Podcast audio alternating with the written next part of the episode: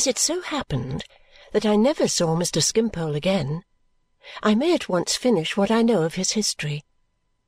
A coolness arose between him and my guardian, based principally on the foregoing grounds and on his having heartlessly disregarded my guardian's entreaties, as we afterwards learnt from Ada, in reference to Richard.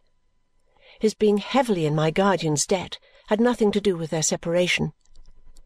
He died some five years afterwards and left a diary behind him with letters and other materials towards his life, which was published and which showed him to have been the victim of a combination on the part of mankind against an amiable child. It was considered very pleasant reading, but I never read more of it myself than the sentence on which I chanced to light on opening the book. It was this: Jarndyce, in common with most other men I have known, is the incarnation of selfishness. And now I come to a part of my story touching myself, very nearly indeed, and for which I was quite unprepared when the circumstances occurred. Whatever little lingerings may have now and then revived in my mind, associated with my poor old face, had only revived as belonging to a part of my life that was gone, gone like my infancy or my childhood. I have suppressed none of my many weaknesses on that subject but have written them as faithfully as my memory has recalled them, and I hope to do, and mean to do, the same down to the last word of these pages, which I see now not so very far before me. The months were gliding away, and my dear girl, sustained by the hopes she had confided in me, was the same beautiful star in the miserable corner. Richard, more worn and haggard, haunted the court day after day listlessly sat there the whole day long when he knew there was no remote chance of the suit being mentioned and became one of the stock sights of the place. I wonder whether any of the gentlemen remembered him as he was when he first went there. So completely was he absorbed in his fixed idea that he used to avow in his cheerful moments that he should never have breathed the fresh air now but for Woodcourt. It was only Mr. Woodcourt who could occasionally divert his attention for a few hours at a time and rouse him, even when he sunk into a lethargy of mind and body that alarmed us greatly, and the returns of which became more frequent as the months went on. My dear girl was right in saying that he only pursued his errors the more desperately for her sake. I have no doubt that his desire to retrieve what he had lost was rendered the more intense by his grief for his young wife and became like the madness of a gamester. I was there, as I have mentioned, at all hours. When I was there at night, I generally went home with Charley in a coach. Sometimes my guardian would meet me in the neighbourhood, and we would walk home together.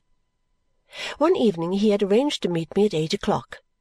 I could not leave, as I usually did, quite punctually at that time, for I was working for my dear girl and had a few stitches more to do to finish what I was about but it was within a few minutes of the hour when I bundled up my little work basket, gave my darling my last kiss for the night, and hurried downstairs.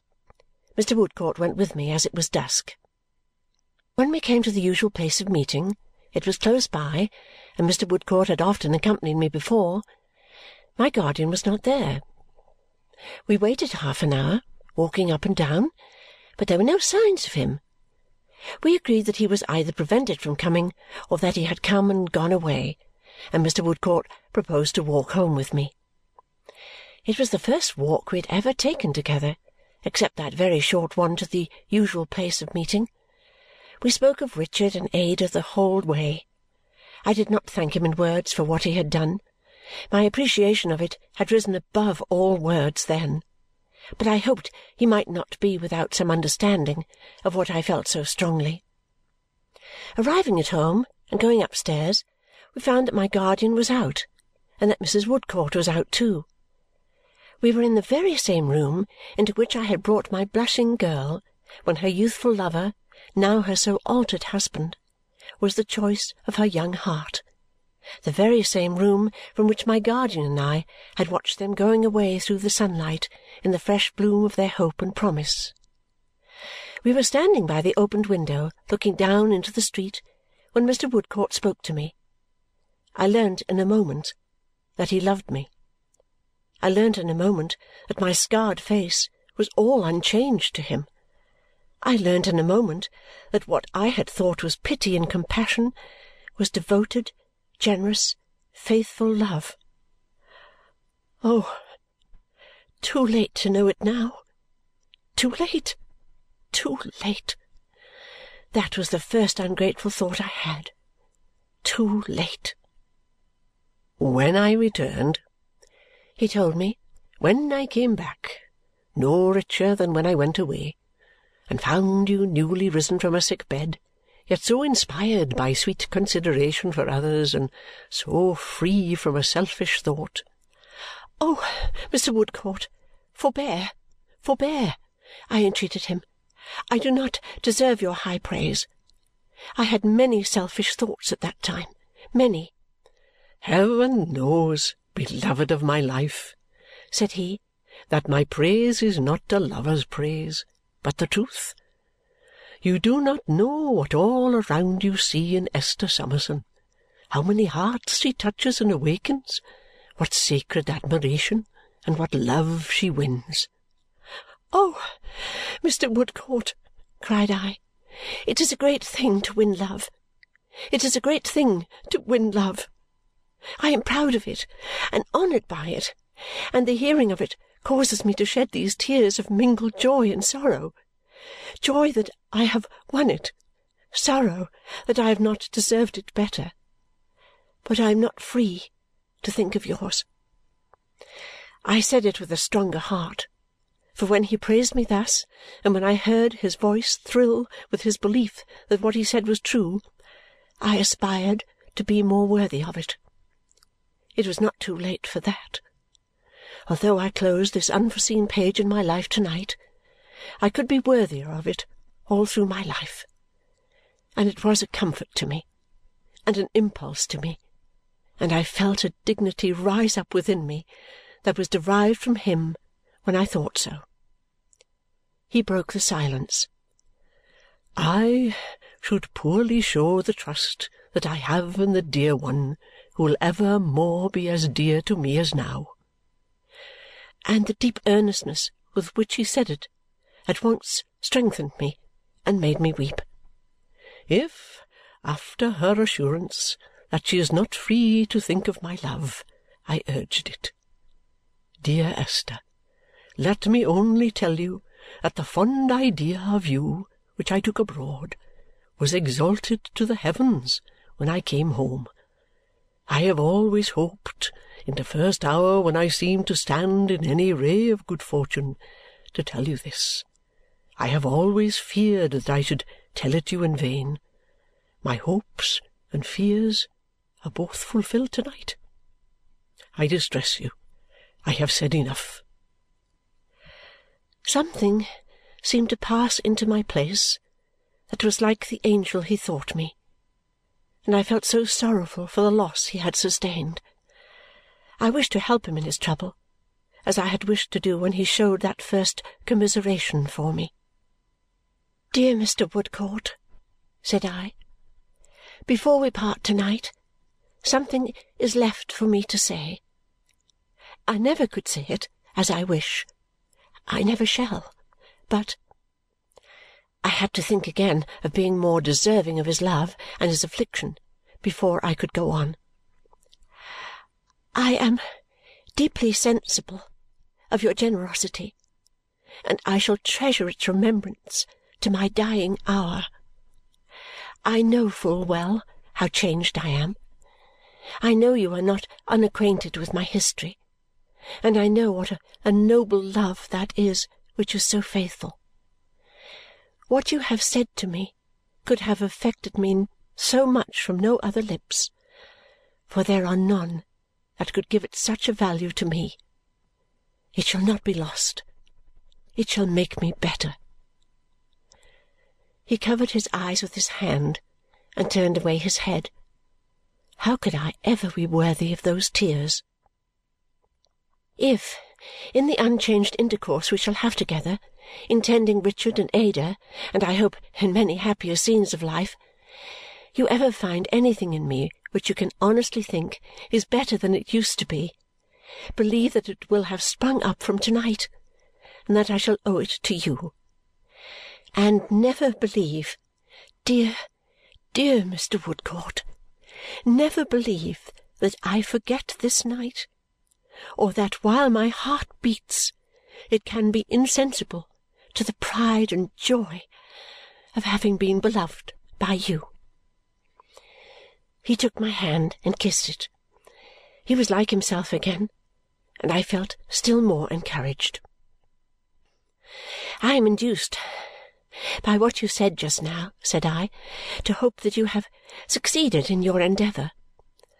I have, he answered, with such help from Mr. Jarndyce as you, who know him so well, can imagine him to have rendered me. I have succeeded. Heaven bless him for it, said I, giving him my hand, and heaven bless you in all you do. I shall do it better for the wish, he answered. It will make me enter on these new duties as on another sacred trust from you. Ah, Richard, I exclaimed involuntarily, what will he do when you are gone? I am not required to go yet.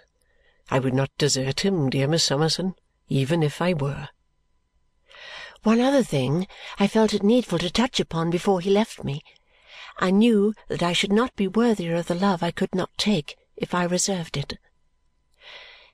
Mr. Woodcourt, said I, you will be glad to know from my lips before I say good night that in the future, which is clear and bright before me, I am most happy, most fortunate, have nothing to regret or desire.